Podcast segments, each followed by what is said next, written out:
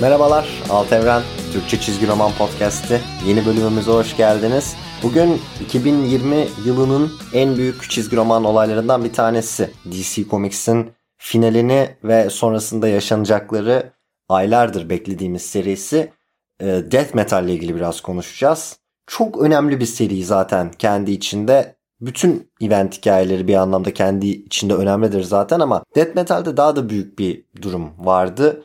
E, biraz seriyi konuşmaya başlamadan önce bu önem konusu üzerinde durmak istiyorum. Hem DC'yi gün be gün takip etmeyenler için hem de bu podcast'i belki e, bir süre sonra dinleyenler için yani bir yıl sonra veya iki yıl sonra dinleyenler için 2020 yılına baktığınız zaman DC Comics'te bütün olay death metal'de. Hem hikayelerin seyri bu noktaya yöneltilmişti. Hem DC Comics yetkilileri özellikle tabii serinin yazarı Scott Snyder başta olmak üzere pek çok soru işaretini bu seride gidereceğini söylemişti. Ve Death Metal gerçekten DC Comics'in son yıllardaki en önemli hikayesi olarak konumlandırılmıştı. Bu tabii ki okuyucular için de ciddi bir beklenti hatta var olan beklentinin arttırılması e, gibi bir anlamda taşıyordu. Yani başlarda metale yapılacak ismiyle falan da biraz aslında komik bir durum. Metalin devamı death metal.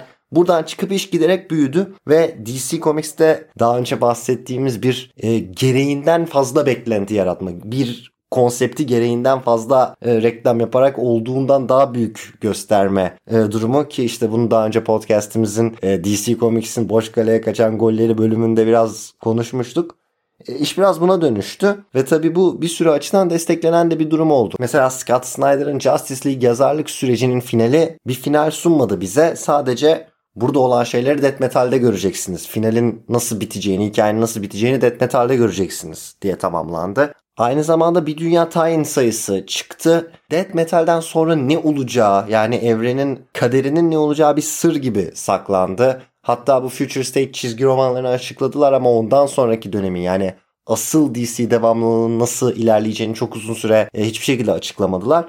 Böyle böyle aslında Death Metal ciddi anlamda e, merak uyandıran finalinin nasıl bir şeye bağlanacağı büyük soru işareti yaratan bir hikaye oldu. Tabi bir iki dakika içinde bahsedeceğim gibi bunu da evren içinde yani hikaye içinde gördüğümüz şeylerin de çok önemi vardı. Devam etmeden önce ama bu noktalara geçmeden önce bir spoiler uyarısı yapmak istiyorum. Bu spoiler konusu biraz karışık olabiliyor, zor olabiliyor. Şu anda Death Metal hikayesi tamamlanmış durumda. Seri bitmiş durumda. Zaten e, yani adı üstünde bölümünün adı death metal olan bir podcast bölümü dinliyorsunuz şu anda. Tahmin ediyorum ki zaten seriyle ilgili spoiler almak istemiyorsanız şu anda podcast'i dinlemiyorsunuzdur.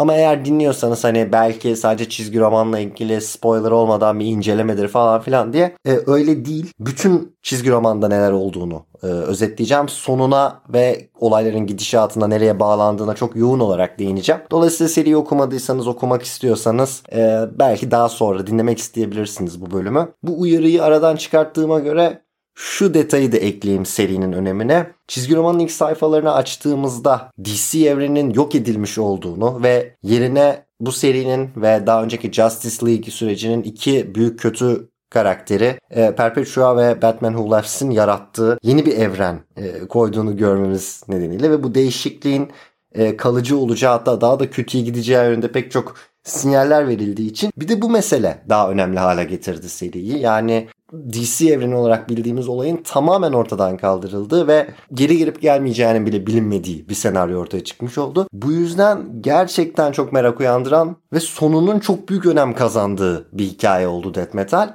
Bu tabi hem event hikayeleri için normal bir şey hem de çok riskli bir tercih. Eğer siz bir hikayeyi sonuna odaklı olarak inşa ederseniz yani bütün olay bunun sonunda çok büyük bir şey olacak. Her okuduğunuz her şey bunun sonunda göreceklerinize değecek gibi bir e, kafa yapısı oluşturursanız e, okuyucuyu da memnun etmek o kadar zorlaşıyor. Bir o kadar zor bir görev haline geliyor. Bunları biraz konuşacağız bu bölümde ama önce kısaca da olsa bir anlatayım size Death Metal'de neler gördüğümüzü. Zaten kısaca da olsa anlatayım derken böyle bir kalıp kullanıyorum gibi düşünmeyin. Başka türlü anlatmam mümkün değil. Çok kapsamlı bir seri. Ee, onlarca sayıya yayılıyor. Daha fazla sayı içeren event hikayeleri kesinlikle var ama çok geniş bir karakter grubu kullanıyor. Bir sürü tayin sayısı içinde sadece bir karakter veya ana karakter grubu ile ilgili değil, evrenin veya yeni yaratılan düzenin farklı köşelerinden, farklı boyutlarından farklı farklı karakterlerle ilgili hikayeler var. Yani bir sayıyı açıyorsunuz ve içinde 5 farklı hikaye okuyorsunuz. O yüzden bütün bir serinin özetini yapmak tabii ki mümkün değil. 7 sayıyı, ana 7 sayıyı bile özetlemek çok mümkün değil.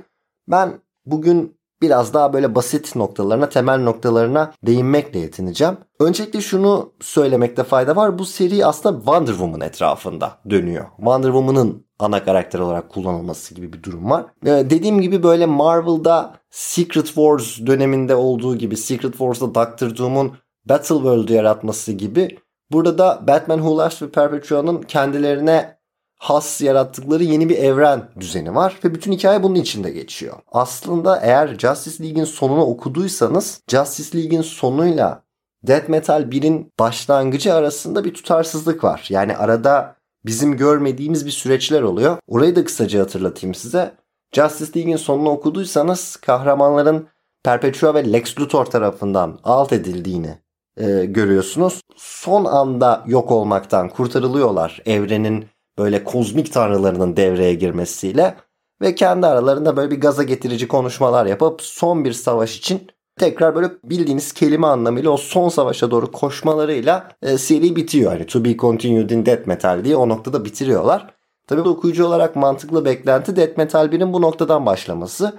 Öyle olmuyor. Bu savaşın da yaşandığı ve bu savaşın da kaybedildiği yani Perpetua'ya karşı ikinci bir yenilgi alınmış bir düzene geliyoruz. Ve bu düzende de işte e, tüm karakterlerin Batman Who Loves'e e, boyun eğdiği onun yönetiminde böyle distopik, karanlık, kaotik bir DC evreni görüyoruz. Ve burada böyle bir yandan yavaş yavaş bir direniş hareketi başlıyor. Bir yandan da çok büyük bir olay oluyor. Daha ilk sayının sonunda büyük sürpriz e, Wonder Woman Batman Who Laughs'ı öldürüyor. Bu tabii çok e, enteresan bir tercih. Çünkü Batman Who Laughs Metal serisinde ortaya çıktığından beri DC evreninde pek çok hikayede rol oynamış ve metal de dahil olmak üzere aslında bu hikayelerde hep bir şekilde e, zirveyi çalmış, ana odak noktasını çalmış bir karakter. Hangi hikayede kullanırsanız kullanın bir şekilde serinin en önemli karakteri haline geliyor ve Death Metal'de artık onun e, doruk noktası. Burada benim hep merak ettiğim bir şey var. Hani acaba okurlar mı çok sevdi bu karakteri? Böyle cool bir konsept olarak mı görüldü? Yoksa Scott Snyder kendi yarattığı bu karakteri mi çok beğendi? Tam emin olamıyorum. Ama e, bu seride de artık tam doruk noktasına ulaşmışken öldürülmesi gibi bir durum yaşanıyor.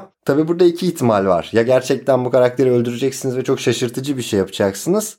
Ya da o ölüm kendi içinde bir yanıltmacı olacak. Burada o oluyor ve kelime anlamıyla bu hikayeyi de çalıyor aslında. E, Death Metal hikayesini de. Ve e, demin söylediğim gibi bu hikayeyi de çalıyor aslında Batman Who Laughs.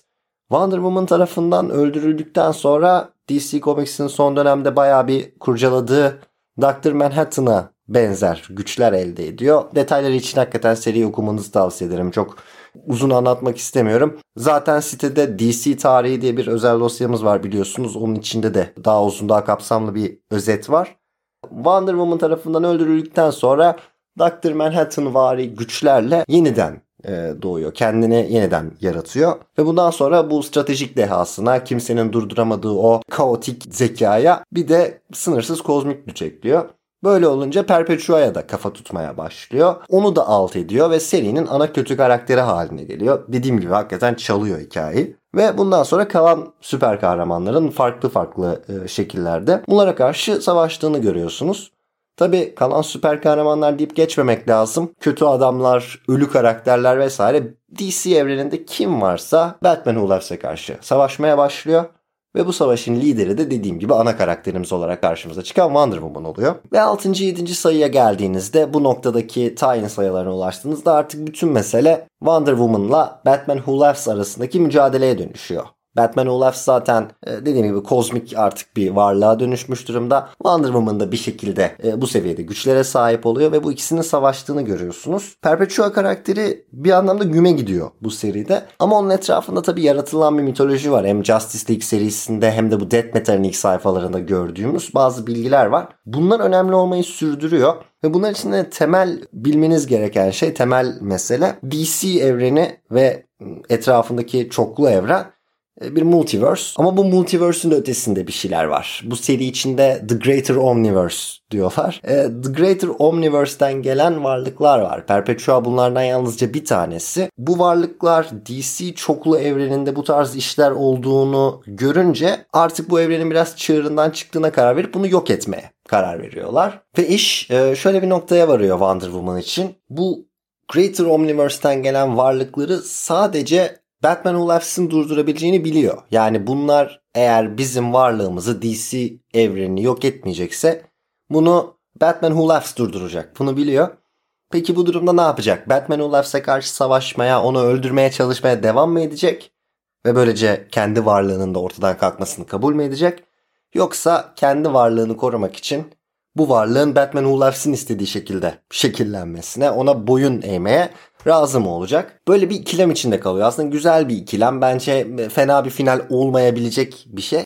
Daha sonra Wonder Woman boyun eğmemeyi tercih ediyor. Yani evrenin yok olacağını kabullenerek Batman Olafs'ı öldürüyor. Fakat daha sonra tabi bu ikilemin gücünü biraz hafifleten bir şey oluyor ve ve e, bu Omniverse'den gelen varlıklar Wonder Woman'ın kararlılığını, inancını, iyimserliğini görüp e, DC evreni yok etmekten vazgeçiyorlar. Tabi dediğim gibi sonuç buna bağlandığı zaman bu hikaye kurgusunu buraya taşımanın çok bir anlamı da kalmıyor. Biraz e, şey mesajı oluyor. Yani bu son dönemlerde şakası yapılıyor. Yani asıl death metal yolda elde ettiğimiz arkadaşlıklardır falan gibi bir sona ulaşmış oluyorsunuz. Kurduğumuz hikayenin kendi içinde bir tutarlılığı çok olmamış oluyor. Ama böyle bitiyor hikaye ve her şey death metal öncesindeki sürece e, sıfırlanmış oluyor bir anlamda. Death metal'in bütün etkileri ortadan kaldırılmış oluyor. DC evreni eski haliyle yeniden yaratılıyor ve yeni bir multiverse yapısı oluşturuluyor DC evreni içinde. Bu yapıda da aslında temel farklılık nedir derseniz en büyük sonucu nedir e, death metal'in derseniz en büyük sonucu bütün karakterlerin DC'nin bütün krizleri, bütün evren sıfırlamaları, bütün farklı evren oluşumları içindeki konumlarını hatırlaması oluyor. Yani DC'nin son dönemlerde çok sık kullandığı her şey yaşandı. Hiçbir şey sıfırlanmadı. Sıfırlanan hikayeleri bile biz artık yaşanmış kabul ediyoruz. E, mesajı iyice güçlenmiş oluyor. Bu tabi bölümün başında bahsettiğim sonuca çok önem verme meselesinin işte riski biraz. Death metal ile ilgili yapılan açıklamalar bunun DC'deki bütün devamlılık sorunlarına cevap vereceği, yeni bir devamlılık yaratacağı yönünde mesajlar olduğu için aslında bu mesajın ne kadar güçlü olduğu ve bu değişimin ne kadar önemli olduğu tartışılabilecek bir konu. Çünkü DC'nin New 52'dan beri yaşadığı süreçlere baktığınız zaman ki bunun altını boş bırakmayacağım. Hemen e, ekleyeceğim bilgileri ama e, bu süreçlere baktığınız zaman zaten bir geçmişi kabullenme eğilimi görüyorsunuz. Dolayısıyla Death Metal de bunu aslında sadece destekleyen ve çok yeni bir şey yapmayan bir seri oluyor. Ne demek bu? Şimdi New 52'ya baktığınızda 2011 e, yılına baktığınızda bütün DC evreni sıfırlanıyor. Bundan önceki hiçbir şey yaşanmadı denilerek yepyeni bir evren yaratılıyor ki bu daha önce biliyorsunuz e, Crisis on Infinite Earths'te falan da yapılmış bir süreç. Yani bir kez daha sıfırlanan bir DC evreni var elimizde. Daha sonra Convergence hikayesiyle birlikte ve aynı zamanda devam eden Multiversity hikayesiyle birlikte bunun aslında beklediğimiz kadar büyük bir sıfırlama olmadığı anlaşılıyor. Yani evrenin bir yerlerinde bizi çok etkilemeyecek gibi gözükse de ana devamlığa çok müdahale etmeyecek gibi gözükse de bütün bu hikayelerin bir şekilde yaşanmış olduğu ve en azından evrenin e, çoklu evrenin yanında bir yerlerinde mevcut olduğu mesajı veriliyor. Daha sonra Rebirth hikayesinde bunlar yavaş yavaş evreni de etkilemeye başlıyor. İşte Wally West'in geri dönmesi, e, daha önceki Superman'in yani New 52 öncesindeki Superman'in hala hayatta olduğunun anlaşılması vesaireyle e, DC Comics o eski devamlılıktan unsurları getiriyor. E, dolayısıyla artık biz şunu biliyoruz ki New 52 her şeyi sıfırlamış bir olay değil. Bütün bu sıfırlamanın arkasında bir şekilde hayatta kalan, e, bir şekilde varlığını sürdüren bir sürü unsur var. Rebirth'te yaşanan olaylarda tabii bir sır perdesi de yaratılıyor. Hani bunları kim yapıyor, kim manipüle ediyor bu evreni bu şekilde diye. Ve daha sonra Doomsday Clock'ta bunun da cevabı veriliyor. Ve Doomsday Clock'la ilgili zaten bir bölüm yapmıştık. Bu Metaverse kavramıyla ve bu her şeye müdahale eden karakterin Dr. Manhattan olduğunun ortaya çıkmasıyla e, yine DC evreni bütün geçmişini her şeyin bir şekilde yaşanmış olduğunu, bütün olayların birbirleriyle çelişse bile e, geçerli olduğunu vurgulamış oluyor. Death Metal'in de aslında yaptığı şey ve bizi ulaştırdığı son bu. Yani e, çok yeni veya çok farklı veya işte bütün devamlılık şimdi sıfırdan başladı gibi bir şey değil ki hani baktığınız zaman bu sürece ne kadar önem verildiğine beklenen şeylerden bir tanesi aslında bu tarz bir e, reboot. Ama tabii ki bir farklı nokta var. Kritik bir nokta. Evet Convergence gibi hikayeler, Rebirth gibi hikayeler özellikle Doomsday Clock bu geçmişlerin var olduğunu ve bir noktada yaşandığını gösteriyor ama Death Metal ile birlikte bütün karakterler artık kendi geçmişlerini hatırlar hale geliyor. Yani Superman veya Batman gibi karakterlere baktığınız zaman bunlar daha önceki bütün versiyonlarının hatıralarıyla yani o 1930'lara kadar artık giden e, geçmişlerini tamamıyla hatırlar hale geliyor. O yüzden bu da önümüzdeki hikayelerde bir şekilde kullanılabilecek bir şey. Tabi evren yapısında da değişiklikler var. Yani günün sonunda evet her şey eskiye döndü kaldığımız yerden devam ediyoruz yaklaşımı olsa da yeni bir evren yaratılıyor. Yani DC evreni yok edilmiş ve yeniden yaratılmış veya yok edilmekten kurtulup farklı bir şekilde e, yeniden varlığına kavuşmuş oluyor. Bunun içinde güzel detaylar var. Mesela DC çoklu evreni artık sınırlı bir çoklu evren olmaktan çıkarılıp kendi içinde çoklu evrenler topluluğu olarak tanımlanıyor. Buna Infinite Frontier, sınırsız cephe diyorlar şimdilik ve yani kendi içinde bir omniverse'e benzetiyorlar. Bu da farklı farklı çoklu evrenleri görebileceğimiz tabi anlamını taşıyor. Bütün bunlarla ilgilenecek, bütün bu tehditlerle, yeni tehditlerle uğraşacak The Totality isimli yeni bir artık organizasyon mu dersiniz, yapı mı dersiniz öyle bir şey oluşturuluyor. Bu da tıpkı Death Metal'in genelinde olduğu gibi hem iyi karakterleri hem kötü karakterleri içeriyor.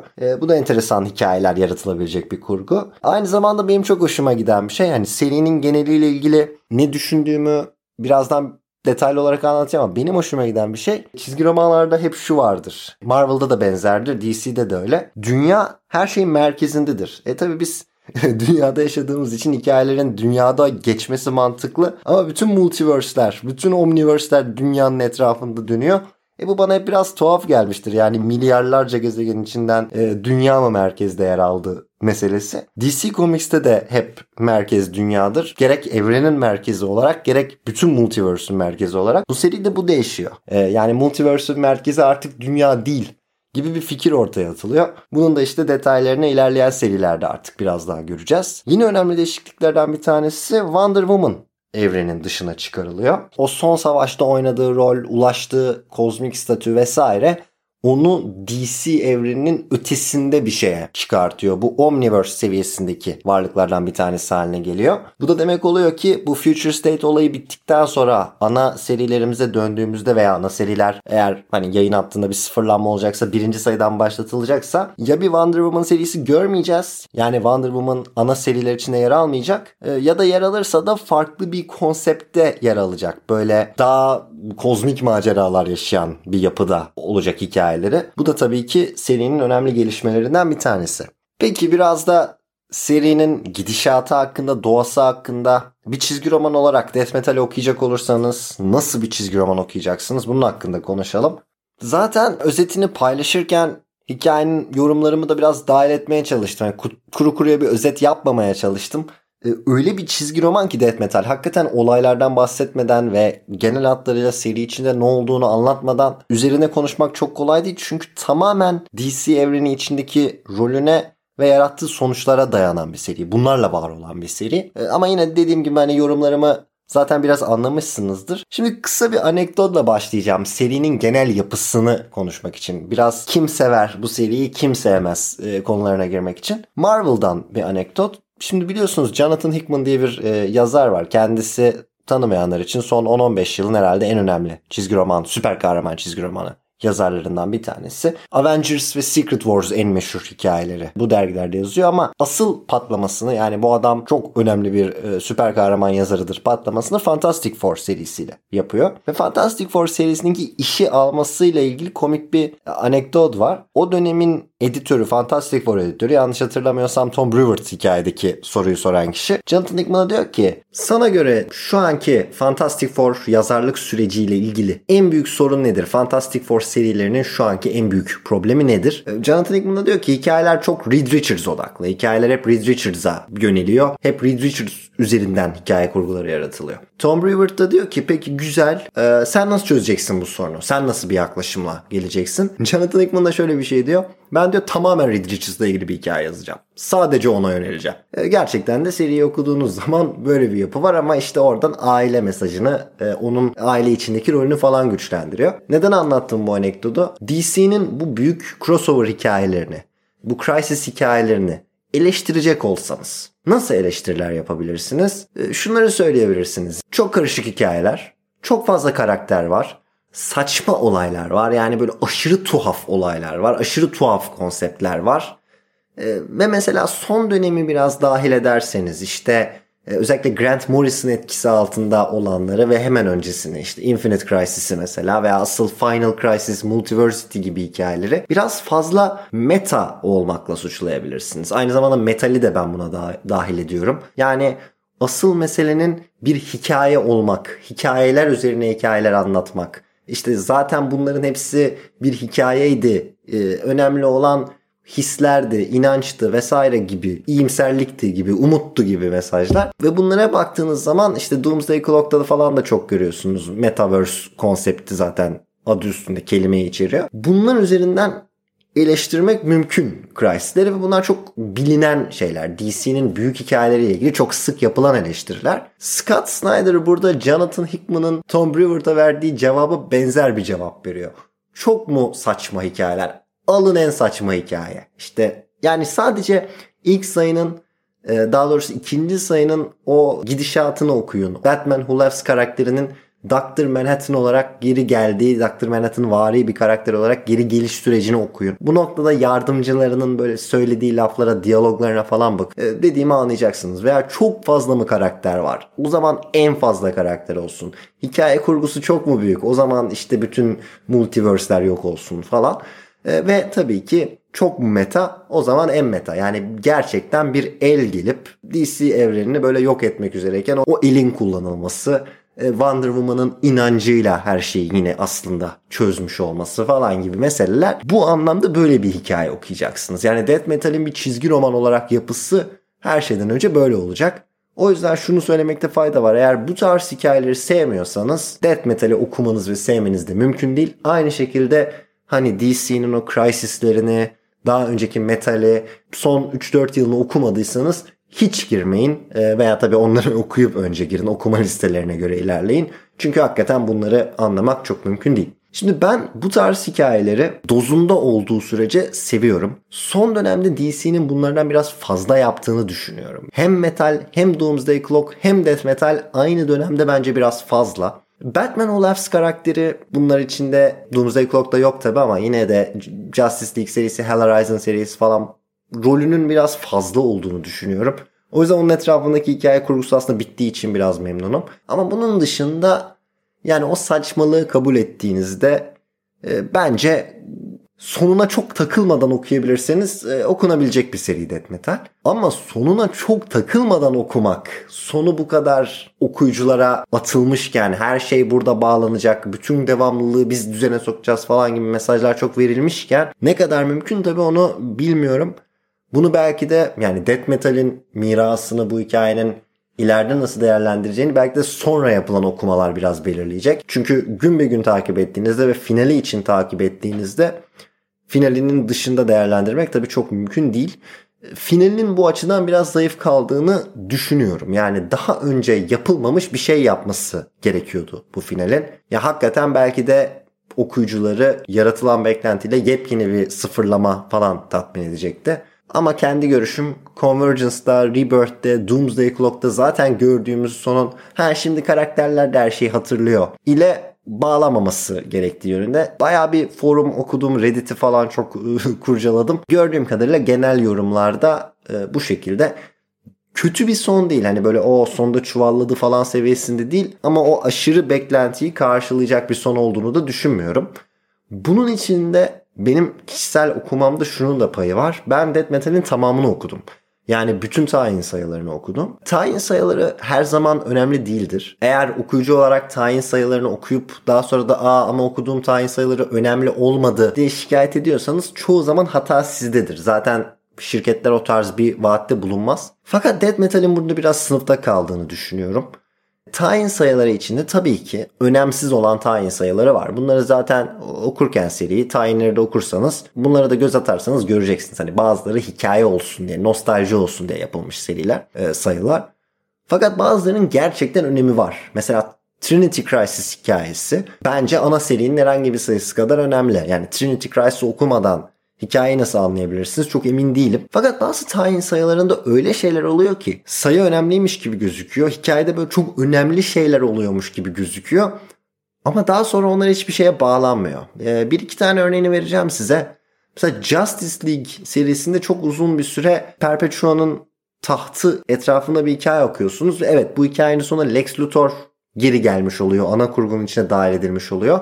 Ama mesela çok bir şeye bağlanıyor mu bu? Yani o geri gelen karakterler son savaşta Perpetua ortadan kaldırıldığı için e, figüran olmanın çok ötesine geçiyor mu? Mesela bu bir mesele. Hadi bu seriyi önemsiz tayin olarak sınıflandıralım. Klasik önemsiz tayin sayılarından bir tanesi olarak görelim. Mesela The Rise of the New God diye bir tayin sayısı var.